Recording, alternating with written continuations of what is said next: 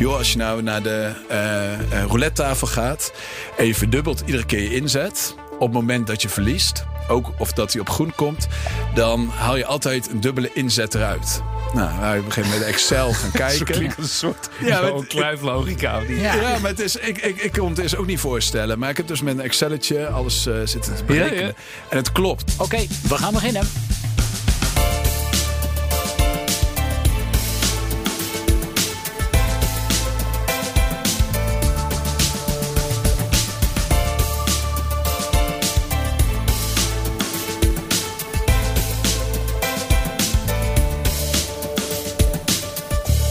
BNR's Baanbrekende Businessmodellen, aflevering nummer 15. De podcast waarin we praten met bedrijven die zichzelf opnieuw uitvinden en nieuwkomers die bestaande markten opschudden.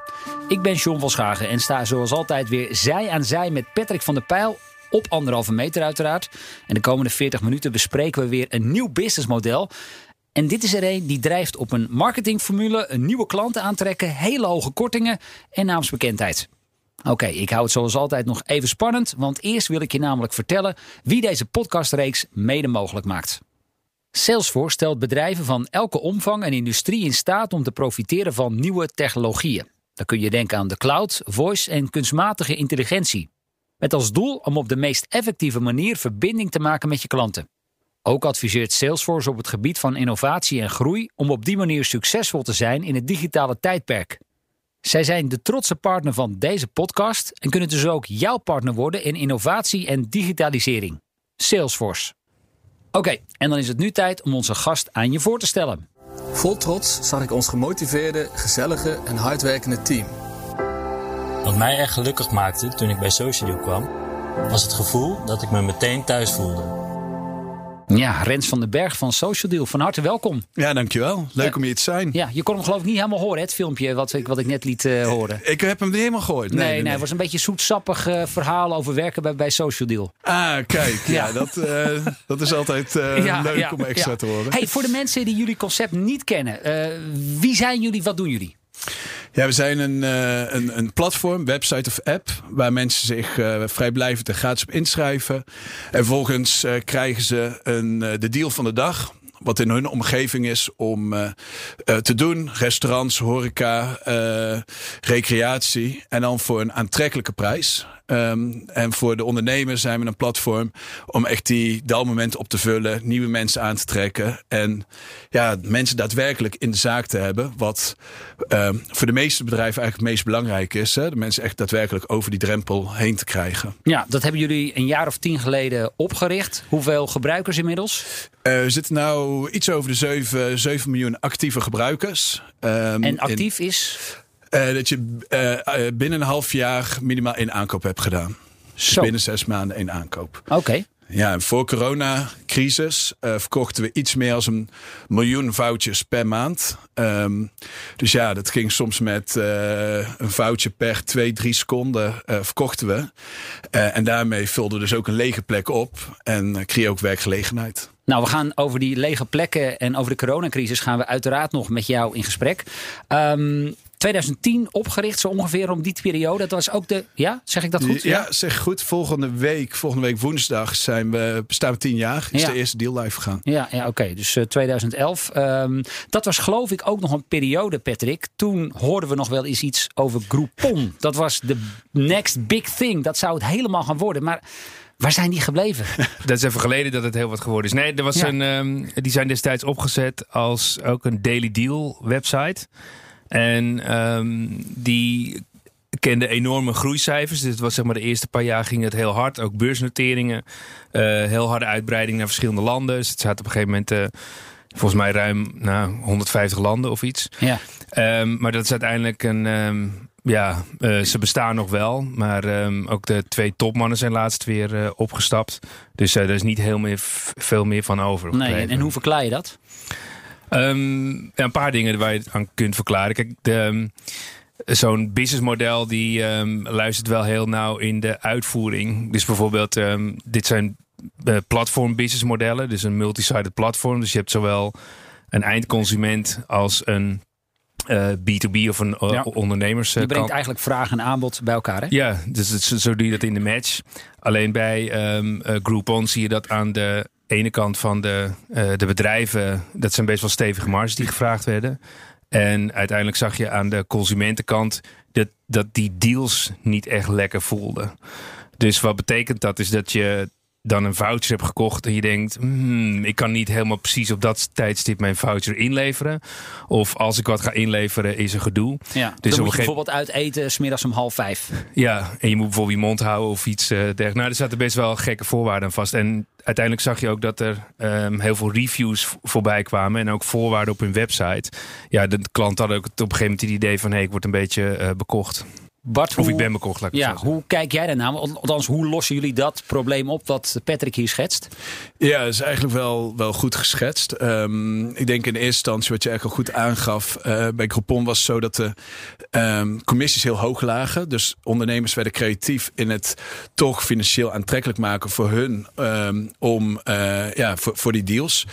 Ehm, Waar wij ons altijd op he- hebben ingezet is, ehm, wij gaan echt face-to-face naar die ondernemer toe. En kijken echt vanuit eh, de inkoopprijs. Van wat kost het jou aan variabele kosten om deze dienst te leveren? Wat vind jij reëel om te verdienen? Zodat je ook echt altijd op elke bezoek verdient. En vervolgens doen we daar eh, ons verdienmodel nog bij. En dat wordt als het ware de verkoopprijs. Dus we zorgden dat een ondernemer eh, eh, op die eerste bezoek al marge maakte. Nou, dan word je sowieso al wat meer met open armen ontvangen. En we merkten dat de manier hoe we het faciliteerden. Dus wij zijn heel snel in die automatisering gegaan. Wij handelen de af, bijvoorbeeld. Dus op het moment dat iemand, als wij een restaurant verkopen, zie je op voorbaat al welke dagen heeft hij beschikbaarheid en welke tijden. Dus dat je er ook nooit achteraf voor verrassing komt staan. En die ondernemer die kreeg, ja, de eerste keer dat hij die gast ziet, is op het moment dat hij over de drempel komt.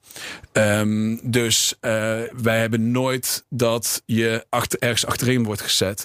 Of dat eh, het menu niet duidelijk is. Of dat je anders wordt behandeld. Of dat je een andere, ja, inderdaad een andere service krijgt dan gasten die wel de volle pond betalen. Ja, ja. en daar, eh, ik denk dat we daar, wij zijn meteen heel ondernemersvriendelijk geweest.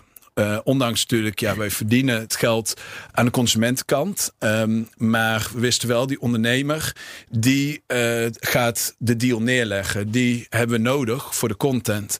En door heel ondernemersvriendelijk te zijn, kregen we ook bedrijven mee die eh, de concurrentie niet meekregen. Ehm, en door ook face-to-face te zijn en heel goed door te spreken. Waar komt die korting vandaan? Kijk, die korting komt niet vandaan omdat je inlevert op kwaliteit. Of omdat je ze ergens anders gaat neerzetten. Maar die korting komt vandaan omdat wij het zo kunnen faciliteren. Dat eh, of jij voor 40 man of voor 42 man kookt. Maakt het in wezenlijk voor de kosten niet, niet meer uit. Dus wij gingen met die ondernemer het zo faciliteren. Dat hij bijvoorbeeld personeelskosten of vaste lasten. niet hoefde door te rekenen op een social deal gast. Ehm, en op die manier, daar komt eigenlijk de korting vandaan. Dus hij, zou, hij dacht, Ja, ja. oké, ik hoef niet te gaan. E- Even inzoomen op dat wat jij zegt, een marge. Hè, want ik zie bijvoorbeeld, ik heb me van de week even ingeschreven. Hè, dus ik heb jullie nieuwsbrief, eh, krijg ik hier. En ik Ja, zie 7 bijvoorbeeld... miljoen en bijna nog Ja, één. 7 miljoen en één nu En op dit moment. gebruik. gebruiker. Ja, bijna. Nou, ik moet zeggen, mijn vriendin is best wel fan van jullie. Want die roept dat ook Goed regelmatig. Eh, hè, we hebben een beautypakket of we kunnen nog uit eten ergens naartoe. Staat hier bijvoorbeeld afhalen, uiteraard. Proeverij, diner voor vier personen bij Vandaag in Amsterdam. Een normaal gesproken 69 euro, nu 36 euro. En dan vraag ik me af, ja, kan dat wel uit? Voor, Ja, voor zo'n aanbieder. Ja, ja, nee, dat kan absoluut uit. Ehm, je moet je zo voorstellen, als we even makkelijk getallen rekenen. Ehm, bijvoorbeeld bij een restaurant is een, een drie gangen menu bijvoorbeeld 30 euro. Waarvan eh 9 euro eh, eh, inslag is, dus ingrediëntenkosten. 9 euro personeelskosten en 9 euro vaste lasten. En ongeveer 10% marge. En op het moment dat we het zo kunnen inkleden dat hij op zijn eh, hedendaagse structuur, dus hij hoeft niet extra personeel in te roosteren, hij is niet langer open, dan vallen die kosten weg. Eh ziet even in eh, gemakkelijkheid. Als jij thuis kookt voor één, twee personen, dat merk je nog wel. Maar als je voor acht of voor negen personen, die negende persoon, merk je eigenlijk niet meer dat het jou extra tijd kost om te koken. Of dan is alleen je, je, je ingrediënten. Jij moet meer inkopen.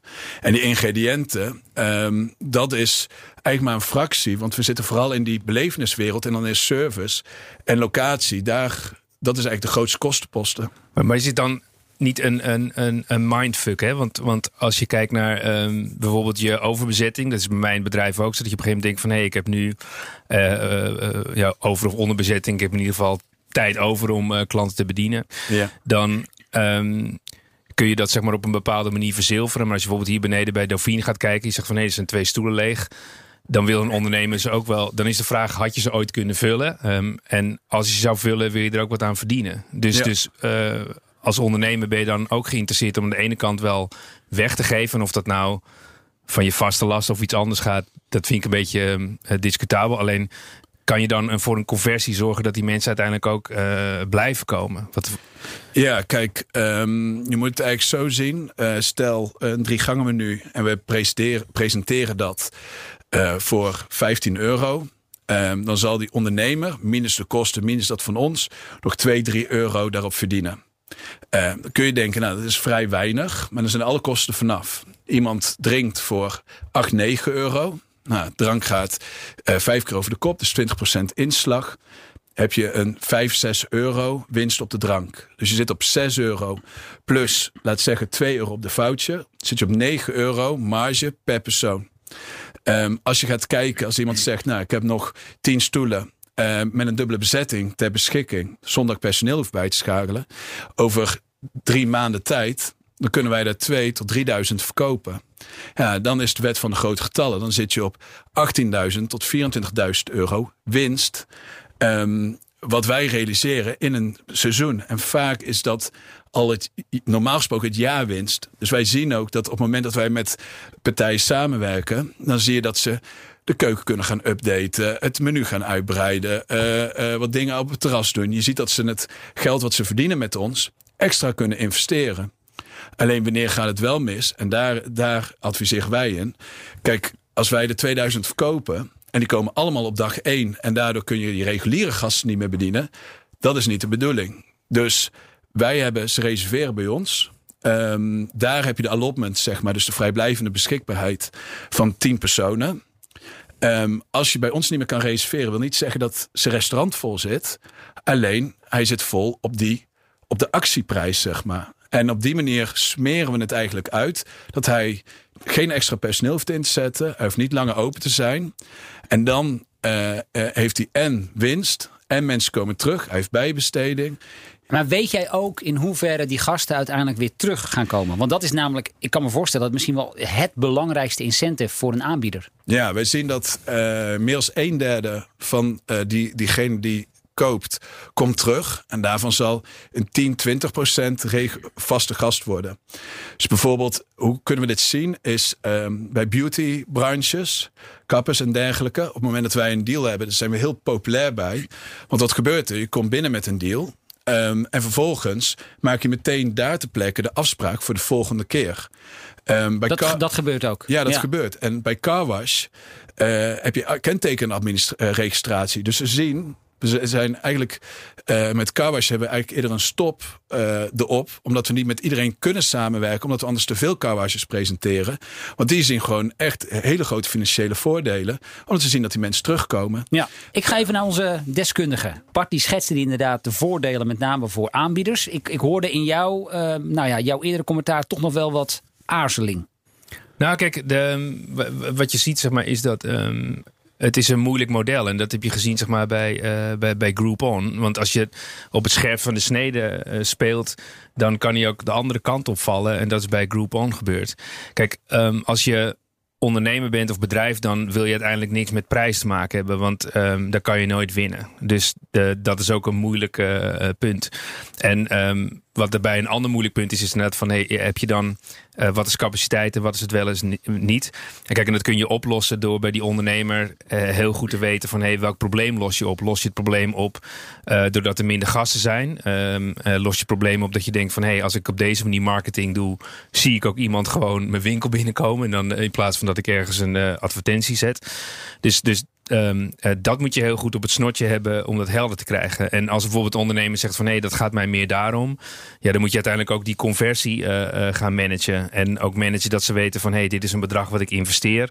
En dat het me niet te veel pijn gaat kosten. Ja, welk probleem los je in feite op voor die ondernemer? Is dat inderdaad die onderbezetting?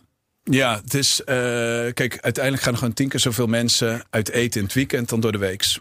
En terwijl je restaurant is dus ook berekend op in het weekend, want je wil niet veel nee zeggen. Maar dat betekent dat je gewoon door de week best wel een overcapaciteit hebt. Nou, je hebt altijd iemand in de keuken nodig, in de spoelkeuken, in de bar, in de bediening. Ongeacht of er nou één of tien mensen komen. Nou, en op die momenten, daar spelen wij een hele goede rol in. Van je hebt al je geraamte aan medewerkers. Die kosten heb je al.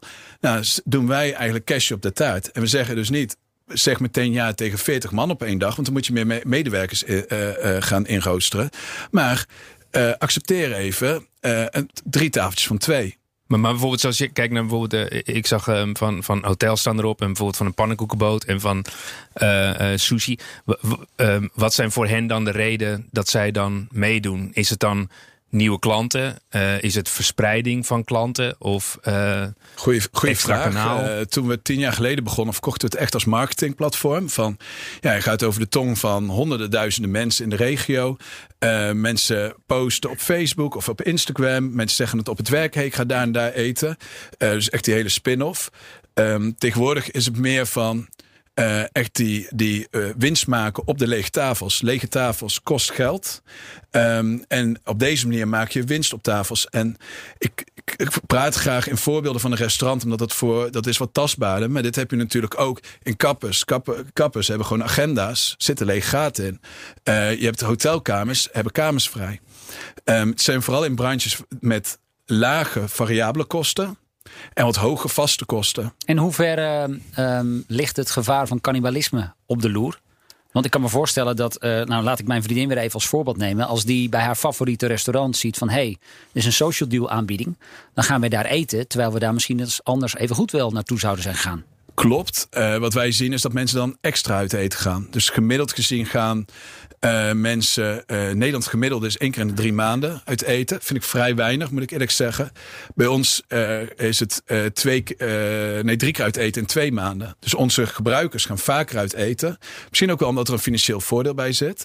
Maar ja, uiteindelijk onderaan de streep bespaar je eigenlijk niet. Want je gaat vaker uit eten. Dus onderaan de streep geven ze bij ons, onze gebruikers, meer geld uit aan leisure dingen, aan lekker uit eten gaan, dan iemand die geen gebruik van maakt.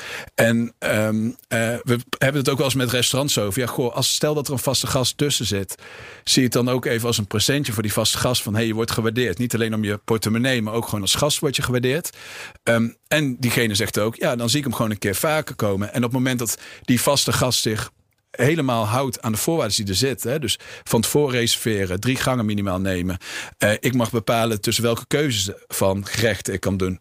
Uh, ja, dan, dan zeggen de, de ondernemende uh, horeca-ondernemers, die zeggen, La, laat maar komen. Want ik bepaal helemaal wie wanneer komt. En dan bijvoorbeeld zie je dan, dus als de restaurants goed gevuld zijn, dan zullen ze niet 1, 2, 3 met jou uh, zaken doen. Maar bijvoorbeeld als je kijkt naar de consumentenkant, uh, ik kan me ook voorstellen dat je denkt van eh, ik wil niet uh, in de kortingalerij, want als ik dan zo gezien word, dan vind ik dat een shame. Zie je dan dat er, wat zijn daar de klantsegmenten? Wat voor type mensen? Mag ik daar even een cliffhanger van maken? Want ja? we gaan namelijk eerst even een kleine korte break doen.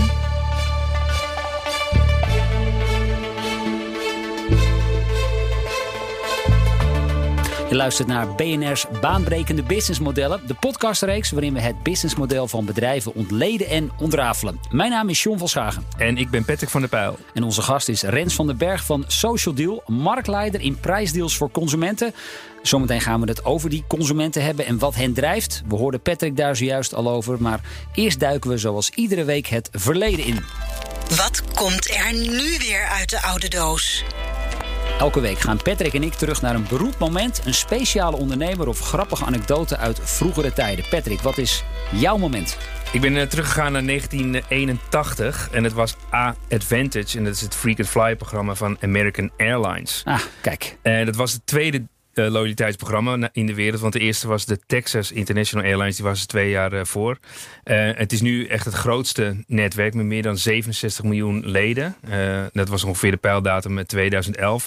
Ja, wat interessant is, is zijn die modellen die erachter te schuil gaat. Weet je, het is een soort, ja, misschien een ander soort tweede geldsoort. Een soort bitcoin of iets waar je wel of niet een upgrade kunt krijgen. Maar ja, in gemiddeld is het, inmiddels is het gemeengoed. Ja. Um, nou heb ik al een hele tijd geen flypunten meer Nee, gespaard. Maar nee, jouw air miles eh, die blijven Ja, die wat dat betreft ook een beetje, liggen, ja. een beetje hangen. Het is grappig dat jij dit hebt uitgekozen, want ik heb een beetje een soortgelijk eh, moment. Wij gaan terug naar het jaar 1998, want toen kwam Albert Heijn met de bonuskaart. Kaarthouders die krijgen dan korting op allerlei geselecteerde producten. En het was aanvankelijk de bedoeling om klanten ook op basis van shopgedrag allerlei persoonlijke aanbiedingen te doen. Alleen dat pakte niet helemaal goed uit. Klanten wisselden vaak van kaart. En ja, er was ook wel wat gedoe met privacy. Ehm, Albert Heijn ging opnieuw terug naar de tekentafel. Er kwam in 2013 een complete update. Hele database werd schoongeveegd. En toen kwamen ze met een nieuwe bonuskaart met ook persoonlijke korting. Nou, dat werd een enorm succes. Wij hebben bij ons in de buurt ook een Albert Heijn. En ik sta altijd in de rij bij mensen waarbij de cashier vraagt: Heeft u nog een bonuskaart, meneer? Heeft u nog een bonuskaart, mevrouw? Ja, ik ben er zelf altijd een beetje wars van, want ik ben niet zo van het sparen. Maar ik, ik had dit stukje al opgeschreven en toen moest ik vanmorgen even tanken. Ja, en geloof het of niet, het is vaak gebeurd. Nee, dat meen je niet. Ik heb, er- ik Hij er ook gewoon eentje jou, in ja, mijn- ja. Ja, maar het stickertje zit er nog op. Vergeet hem niet te activeren. Ik heb hem dus blijkbaar ooit wel een keertje meegekregen. Maar, Ja, nou, maar het mooie is, bij die, eh, dan, dan sta je daar en dan zeggen ze eh, bonuskaart. Nee, vergeten, haal jij hem er even langs. En Ja, dat doen ze ja, dan. ja, Ja, klopt, ja, goed klopt. hè. Goed. Ja, nou ja, mooi. lekker hoor. Alright. Um, Rens van den Berg van Social Deal staat hier nog steeds. En Patrick, jij wilde het hebben terecht over die consumenten. Eigenlijk de andere kant van dit model. Zelf zou ik dan denken van, eh, gat, dan moet ik dan zo'n bonnetje laten zien. En ik had bij ons eh, vanmorgen in de voorbereiding eh, met collega's over. Toen zei ik iemand, ja, dan ehm, had ik een hotel voor eh, 40 euro. En toen zei mijn vriend, ga jij maar eventjes bij die balie staan. dat jij in kan checken. Dus daarom denk ik ook, ja, dit is een soort Mag, shame ik, mag ik daar nog even heel kort iets over opnoemen? Want in, in aanloop naar deze podcast heb ik ook... Ik heb een restaurant gebeld, ik heb een hotel gebeld... en ik heb ook nog een verhuisservice gebeld. En, en niemand wilde mij echt vertellen waarom ze meededen. Dus op de een of andere manier vonden ze dat blijkbaar... of toevallig heb ik allemaal alle, zeg maar, drie verkeerde gebeld... maar blijkbaar eh, drie aanbieders die... eh, mystiek sexy Ja, model. dus die dat, die dat niet, ja, die mij mij niet uit, dan te kan ik het- uit de staan. Maar die, die consument inderdaad, hoe, hoe zit dat? Nou, ik denk eigenlijk dat wat hier net gebeurde eigenlijk een perfect voorbeeld is. Ehm, eh, eh, mannen die hebben vaak het idee van ja, maar ik ben niet zo koopgevoelig, prijsgevoelig en dergelijke. Je houdt je portemonnee open en je ziet daar de bonuskaart van Albert Heijn zitten. Ja, dus wij houden onszelf ook een beetje een, een beeld voor ons van nee, we zijn macho en we kunnen lekker betalen en we gaan de volle prijs betalen, dit en dat. Maar ondertussen, op het moment dat je een auto koopt, kijk je naar de prijs. Op het moment dat je een shirt koopt, kijk je naar de prijs. En ik wil niet zeggen dat eh, vrouwen zijn daarin wel meer kortingsgevoelig. Alleen prijsgevoelig zijn met z'n allen. En dat is de directeur van eh, eh, grote banken tot eh, aan eh, eh, je, je buurvrouw, om het even zo te zeggen. En ehm, het klopt wel dat eh, m- meer, zeg maar, we hebben dubbel zoveel vrouwen in ons eh, bestand staan als mannen. Dat is niet omdat vrouwen zoveel kortingsjagers zijn of dergelijke. Ehm, maar gewoon vrouwen zijn meer eh, beslissend in de sociale agenda. Zij zeggen, joh, eh, zullen we daar vanavond gaan uit Ja, eten? dit, dit herken ik. Ja, precies. Ja, en dat ja, zeggen we tegen elke. ik wil niet generaliseren, maar veel ondernemers waar wij mee zaken doen, zijn toch man. En die zitten ook van ja, maar dat social deal werkt dat wel? Want ja, dan ben je korting en gaan ze dan wel en dit en dat. Ik zeg ja, maar wij zijn niet de doelgroep. De vrouwen die bepalen: hey, ik heb laatst een leuk restaurantje gezien, of ik hoorde laatst van een collegaatje van mij dit en dat en dat. En wij geven mensen een extra reden om een keer buiten die vaste patronen te gaan. Want als ik aan jullie stuk voor stuk vraag, noem jullie lievelingsrestaurants op, dan zul je waarschijnlijk bij vier, vijf restaurants zul je weten. En dat is eigenlijk Ik heb er altijd maar één, is Van Dam. Oh ja, Ja. nou, ja. Voor de rest ga ik nooit ergens Ja, anders. een mooi restaurant, eh, absoluut. Maar, maar bijvoorbeeld, hè, je, je, ik kan me wel voorstellen dat je gewoon eh, ziet van... Hey, gemiddeld met dit inkomen, die doet het wel. En gemiddeld met dat inkomen doet het minder. Of wat, wat is het segment wat erachter zit? Wij, wij vragen, eh, omdat voor consumenten het nog niet altijd helemaal duidelijk is hoe wij ons geld verdienen, ehm, vragen wij zo min mogelijk persoonsgegevens. Want wij zijn er niet op uit om jou te bedenken wie, wat, waar, et cetera. Eh, alleen ehm, als je met Facebook inlogt, kunnen we, geeft Facebook wel daarin wat gegevens. Niet op de persoon af, maar wel van zoveel procent is HBO plus opgeleid. Die vinden dit leuk, dergelijke. En eh eh, overgrote deel is HBO plus opgeleid, naar WO. En vervolgens eh, MBO. Ja, en nu kun je bijvoorbeeld ook naar het Renaissance Hotel in Amsterdam, zag ik. Eh, Vijf sterren overnachting voor twee. Plus ontbijt en diner krijg je daarbij voor 149 euro. Die in krijg je plaats erbij, van... nu krijg je die op je schoot Maar natuurlijk. kijk, maar niet meer kijk de aan tafel. perceptie, dit is toch schitterend. Je Ja. krijgt het, je voelt of dat je iets krijgt. Die mensen, ja, die leggen jou zo meteen helemaal in de watten Ja. voor een fantastische prijs. 149 euro zag ik staan in plaats van 247 euro. En ehm, volgens mij, want jij had even op boeking gekeken. Hè? Ja, er zat een tientje tussen. Er zat een tientje tussen. Ja. Ja, dus dan bedoel, ja, is die korting die, want daar staat dan altijd ronkend 40%, 50%. Ja, wij hebben een hele afdeling eh, die alles, want we willen ook echt niet misleidend zijn of dergelijke. Dus we hebben een hele afdeling die alles tot op de cent nauwkeurig narekent. Het kan zijn, eh een boeking heeft ook wel eens last minute acties of dergelijke, dat op een specifieke datum, dat is bij hotels dat wat moeilijker. Die, hebben heel erg, die fluctueren heel erg met hun prijzen. Dynamic pricing. eh, Dynamic pricing en Ja. dergelijke. Dus wat wij doen is op het moment dat wij een, eh, een hoteldeal hebben, inclusief, je moet ook echt goed de kamer vergelijken en het hele arrangement. Dan tellen we letterlijk van dag tot dag. Dus dan vaak zijn ze een half jaar geldig bij ons. En dan het hele half jaar tellen we alle prijzen op. Dan krijg je de gemiddelde average room rate, de gemiddelde kamerprijs, inclusief arrangement. En dat is onze vanprijs. Dus het kan zijn dat in hoogseizoen eh, is het misschien 80 euro eh, korting. En misschien in laagseizoen of last minute is het misschien 40 of 30 euro korting. Dat is voor hotels, omdat die dus een variabele prijsstelling hebben, is dat wat lastiger. Ehm, maar we zorgen altijd gewoon dat je eh, echt, dat het echt Ja. een deal is. Ja, de coronatijd laat natuurlijk nu wat heel iets Ja, anders zien. ja, Ja, dat, maakt het snap wel, ik. dat maakt het wel iets lastiger. Ja, daar gaan we het zo zeker over hebben. Ehm, maar die, die, die 149 euro die je dus betaalt voor zo'n nachtje voor twee in het Renaissance Hotel. ehm, daar zit natuurlijk ook commissie bij voor jullie. Ja. Volgens mij is ehm, zo ergens tussen de, wat is het, 25, 30 procent is gemeengoed in deze branche, toch? Ja, het lag bij Groupon nog ietsje hoger. Ehm, kijk, we hebben een, een commissiebasis, dus echt op succesbasis. Ik denk dat dat ehm, het beste model is waarop je eh, je investering kunt doen. Want wij hebben een Ja, gemeenschappelijk dat is wel een goed argument, want je hebt de conversie natuurlijk. Als je geen conversie hebt, heb je geen voucher of plan. Ja, en, en Ja. soms vroeger, en praat ik dus over tien jaar geleden, dat wij, eh Bart en ik, door Maastricht heen liepen. En zij ook wel een restaurant van, goh, ja, eh, dit geef ik allemaal weg. Nee, je geeft het niet weg, want die klant of die gast had je anders niet gehad. Ehm, alleen, je gaat dus eigenlijk mensen op een manier aantrekken. En als jij voor 3000 euro in de krant staat, dan komen er misschien vijf mensen op af. Want niemand leest de krant voor de aanbiedingen. Ja, dan heb je, reken uit, per persoon heb je mega veel geïnvesteerd. Maar commissie, want we hadden het net over 25, 30 procent. Ja, in die orde moet je, moet je wel denken. Ehm, dat, dat kan voor sommigen klinken van wow, dat is erg veel. Alleen nogmaals, we kijken dus naar wat is de variabele prijs? Ja. Wat ben je kwijt? Ja. Wat vind je reëel om te verdienen? Plus dan de commissie. En dat wordt de verkoopprijs. Dus, dus uiteindelijk eh, kun je zeggen, ja, het is commissie. Of, of we gaan naar een hotel toe. Ja, variabele kosten van de hotelkamer is 25 euro. Ik wil 50 euro verdienen. Eh, als hotel zijnde, wij toppen dat op. En vervolgens is dat de verkoopprijs. Ja, ik wil toch nog weer even inzoomen op die consument. Want ik geloof dat we daar toch nog wel iets meer over willen weten.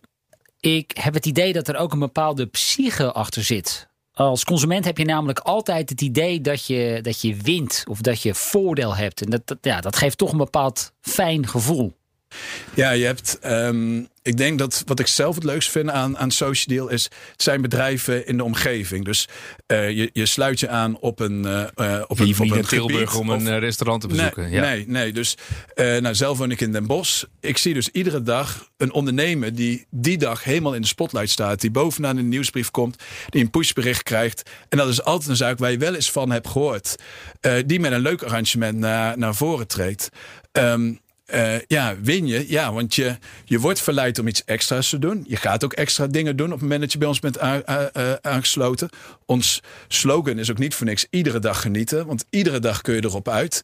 Eh, van pretpark, dierentuin of eh carwash of dergelijke. En daarbij is geloof ik het bedrag van 15 euro. Dat is ook nog een soort psychologische drempel. Hè? Want ik geloof dat mensen tot 15 euro hoeven ze niet te overleggen thuis. Ja, klopt. Dat, dat, is, eh, dat is zeker Maar dan waar. moet het bedrag, het bedrag omlaag brengen.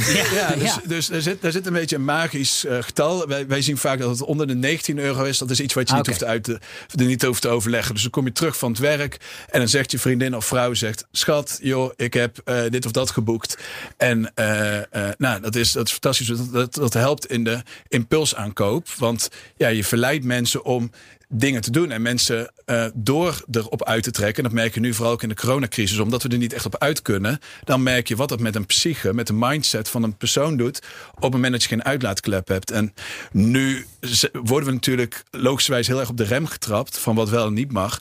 Maar het is wel heel fijn dat iedereen nu weet. hey, om er te zijn tijd een keer op uit te gaan, restaurant, uh, beautybehandeling of dergelijke. Doe dat. Want het is gewoon echt goed voor je mind en voor je, voor je well-being, om het even zo, uh, zo populistisch te zeggen. Ja. Patrick, we zijn nu ongeveer een klein half uur onderweg. Um, raak jij al een klein beetje meer overtuigd? Nou, kijk, ik, ik denk dat het wat ik leuk vind aan, uh, aan baanbrekende businessmodellen is dat, dat we altijd met mensen in gesprek zijn om ook een uh, deep dive uh, en, en zeg maar onder de motorkap te kijken. En ik denk toch dat um, als, je, als je kijkt naar zo'n Groupon, er op een gegeven moment was ook een beetje zo'n smerig gevoel. Weet je, je krijgt constant alleen maar mails elke dag. En... Dat doen zij ook hoor. Ja, nee, maar, ja, weet je... wel met minder regelmaat. Ja, Daar wil ik wel even bij zeggen. Okay. Ja, en dan kijk je op een gegeven moment dat je dat uitgezet en dan kregen ze nog die mails. En als je dan op een gegeven moment gaat kijken van hé, hey, ik voel me niet echt lekker bij zo'n deal, dat je denkt, ja, zie je wel. Er ziet iets wat niet klopt. Ik word genaaid. Ik word genaaid. Nou, dat is niet fijn. Dus ik denk dat wat, wat, wat, wat, uh, uh, wat je hier laat zien is, is dat je ook aan de kant van de ondernemer transparant bent door ook uit te leggen hoe het werkt. Want als je zegt, kijk, ga diezelfde stoel, stoel uh, vullen, maar je krijgt uh, minder dan, uh, dan wat je normaal zou krijgen en minder dan de helft, dan ga je denken, hé, hey, dat klopt niet. Dus ja. die, dan geef je echt geld weg. Ja, die ja. perceptie. Nou, daar moet ik zeggen, daar had ik ook wel dat jij zei, op elke deal behoudt een ondernemer een bepaalde marge. Ja. ja, en wat ik, wat ik, ik dacht namelijk dat het, dat een soort investering zou zijn nee, geweest. Nee, nee, nee. Dus, dus dat is het, het, het um, een groot verschil. Wij komen echt geld brengen, om het zo te zeggen. Dus um, een voorbeeld bijvoorbeeld. We hebben um, nu in coronatijd werken we veel met restaurants samen die restaurantpakketten uh, uh, verkopen. daarin is Bluga bijvoorbeeld voor ons in het zuiden. Sterrenzaak is een uh, grote partner van ons. Die heeft nu bijna 20.000 pakketten verkocht. Um, en die heeft op Valentijnsdag, heeft hij, uh, kreeg gisteren een berichtje van, uh, van, van de chefkok, heeft hij 1500 couverts op staan. Zijn restaurant heeft, uh, moet ik even grove schatting maken, maar laat zeggen 70 couverts, ja, zitplekken. Ja, ja. Die gaat op één dag, die zitten nu echt dag en nacht voor te bereiden, gaat hij 1500 uh, personen uh, blij maken. Bij 1500 personen, dus in zijn omzet is dat 56.000 euro in één dag.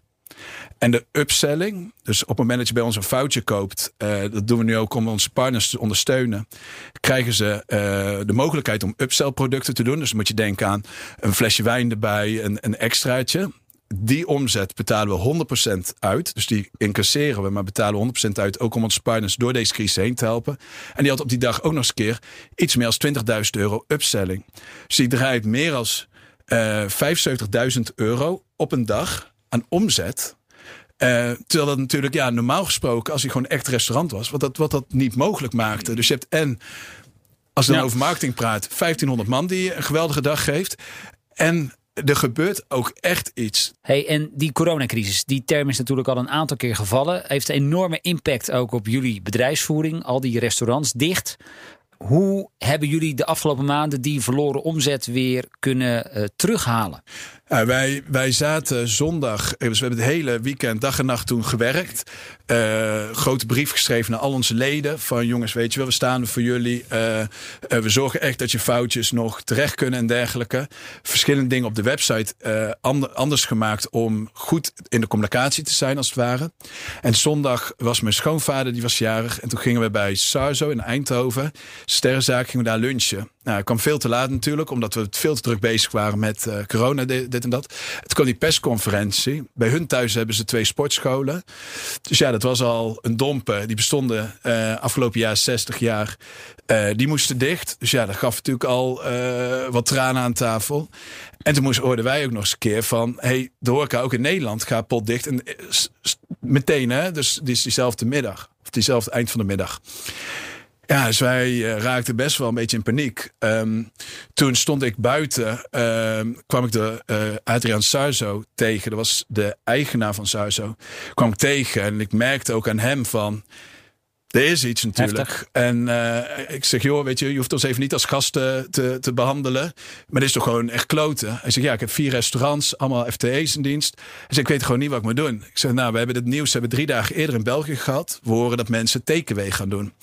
Um, dus uh, hij zei, nou, leg me eens uit. Dus ik begon een beetje uit te leggen. Hij zegt, bedenk mij iets. Ik wil gewoon 5000 uh, foutjes verkopen. Want ja, de, de winkel moet gewoon draaien. Ik heb FTE's, dit en dat. Um, toen hebben we die avond hebben we nog verpakkingsmateriaal gekocht. Want we wisten dat is zo meteen uitverkocht. dus snel verduizend. Geen mondkapjes. Gingen allemaal mondkapjes doen. Jij ja. verpakkingsmateriaal. Verpakkingsmateriaal ingeslagen. Uh, toen hebben we een, uh, een, een deal gemaakt. Dat is toen voor 19 euro. Kon je drie gangen sterrendiner. Met, ook met rendang. Nou, mensen begonnen dat te bestellen. Um, kranten gehaald, dit en dat. En dat was op dag 1 verkochten we daar 600 stuks van. Terwijl jij hebt natuurlijk ook een capaciteit van de keuken. En uh, drie dagen later zou die deal ingaan. En toen kwam er dus iemand daar bij dat restaurant en die zei: Ja, uh, Rens, hoe moet ik nou weten wat iemand heeft gekozen? Want normaal gesproken pak je een restaurantdeal en je vertelt daar je keuze. Dus wij, oh ja, shit. Dus stonden toen echt al 200 man op die dag stonden ingeroosterd. Dus, dus wij snel een soort van uh, bestellijstsysteem maken. Dat mensen op voorhand konden klikken wat ze dan wilden hebben. Dat we echt doorcommuniceren. Dus echt live programmeren, snel, snel, snel.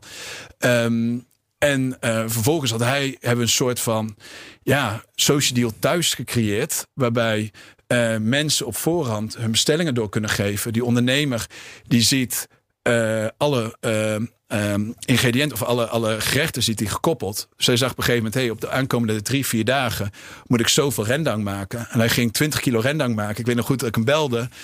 Ik zeg nee, je moet veel meer doen, weet je, want ik zie aan gewoon aan voorspellende waardes. Er gaat dus, je eigenlijk die, die ondernemers versneld helpen digitaliseren. Ja, die, die, heeft, die, die is op een gegeven moment 90. Hij heeft foto's laten zien hoe hij door de Sligo liep. Hij heeft 90 kilo rendang gemaakt in één weekend er doorheen gehaald. Ja, dat was fantastisch. Ja. Maar ja, dus wij zijn uh, samen toen met uh, en met andere restaurants die er ook snel op inspeelden, hebben een heel systeem gemaakt waarbij uh, wij uh, restaurantpakketten of, of boxen kunnen verkopen. Waarbij mensen keuze hebben in, dus dat wel echt custom-made ja. uh, box is.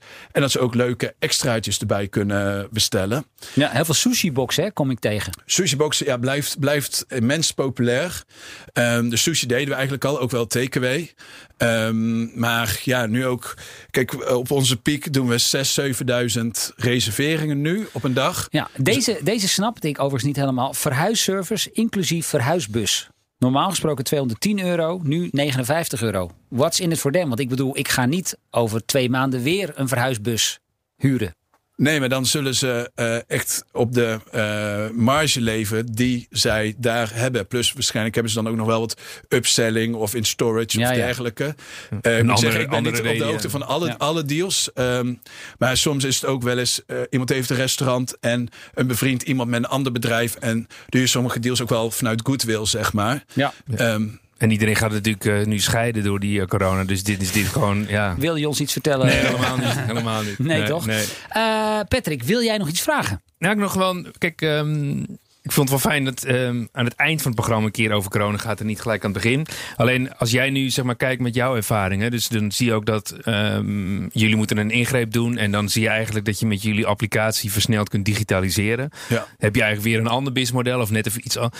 Um, als nu gezegd wordt dat 20% van de horeca gaat omvallen, uh, wat is jouw beeld daarbij? Ja, um, dat zijn ook wel getallen wat wij zo links en rechts horen. Wat natuurlijk um, hartstikke zonde is. En we, we hopen natuurlijk dat niemand uh, failliet gaat. Maar ik denk dat dat bijna onmogelijk is. En dat het wel iets realistisch is waar we naar uh, moeten kijken. En ik denk dat Um, wij zagen heel erg in die eerste golf, zagen we een aantal horecaondernemers die er heel erg op insprongen. Dus die deden wandelarrangementen maken, die deden um, pakketten maken, uh, die benaderden ons proactief. Gingen we samen met videocalls en dergelijke, uh, gingen we wat van maken. En sommige um, uh, kropen heel erg in hun schuld. Van, hey, dit gebeurt mij. En, uh, en ik, ik, ik hoop in beide gevallen dat, er, dat, dat, dat iedereen het blijft overleven. Want het is, Dit is Ja. niet de manier maar wat, hoe je... wat, wat denk je? Gaat er inderdaad, gaan er heel veel dat er nog wel klappen, klappen gaan, gaan, gaan vallen, helaas. Ehm, ik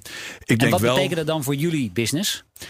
Eh, ik denk dat we daar uh, dat, dat wij die klappen ook zullen krijgen. Want vooral als partners van ons feed gaan, ja, dat is natuurlijk uh, uh, sunt. Um, en, um, maar het is ook een beetje aan ons om te zorgen. Uh, dat ze niet failliet gaan. En door, kijk, uh, omdat wij ook bij de geldstromen zitten, kunnen we ook wel eens zeggen: Oké, we hebben een deal van je verkocht en we doen wat voorfinancieren. Of we geven een bepaald extra, zodat je even door een bepaalde moeilijke uh, termijn heen kunt. Dus we zijn erin ook, we staan echt heel dicht bij onze partners. Hè? Dus onze accountmanagers die komen bij bruiloften van onze partners. Die komen bij op de, dat zijn mensen gewoon uit de buurt. En um, dus we willen ook die persoonlijke benadering behouden.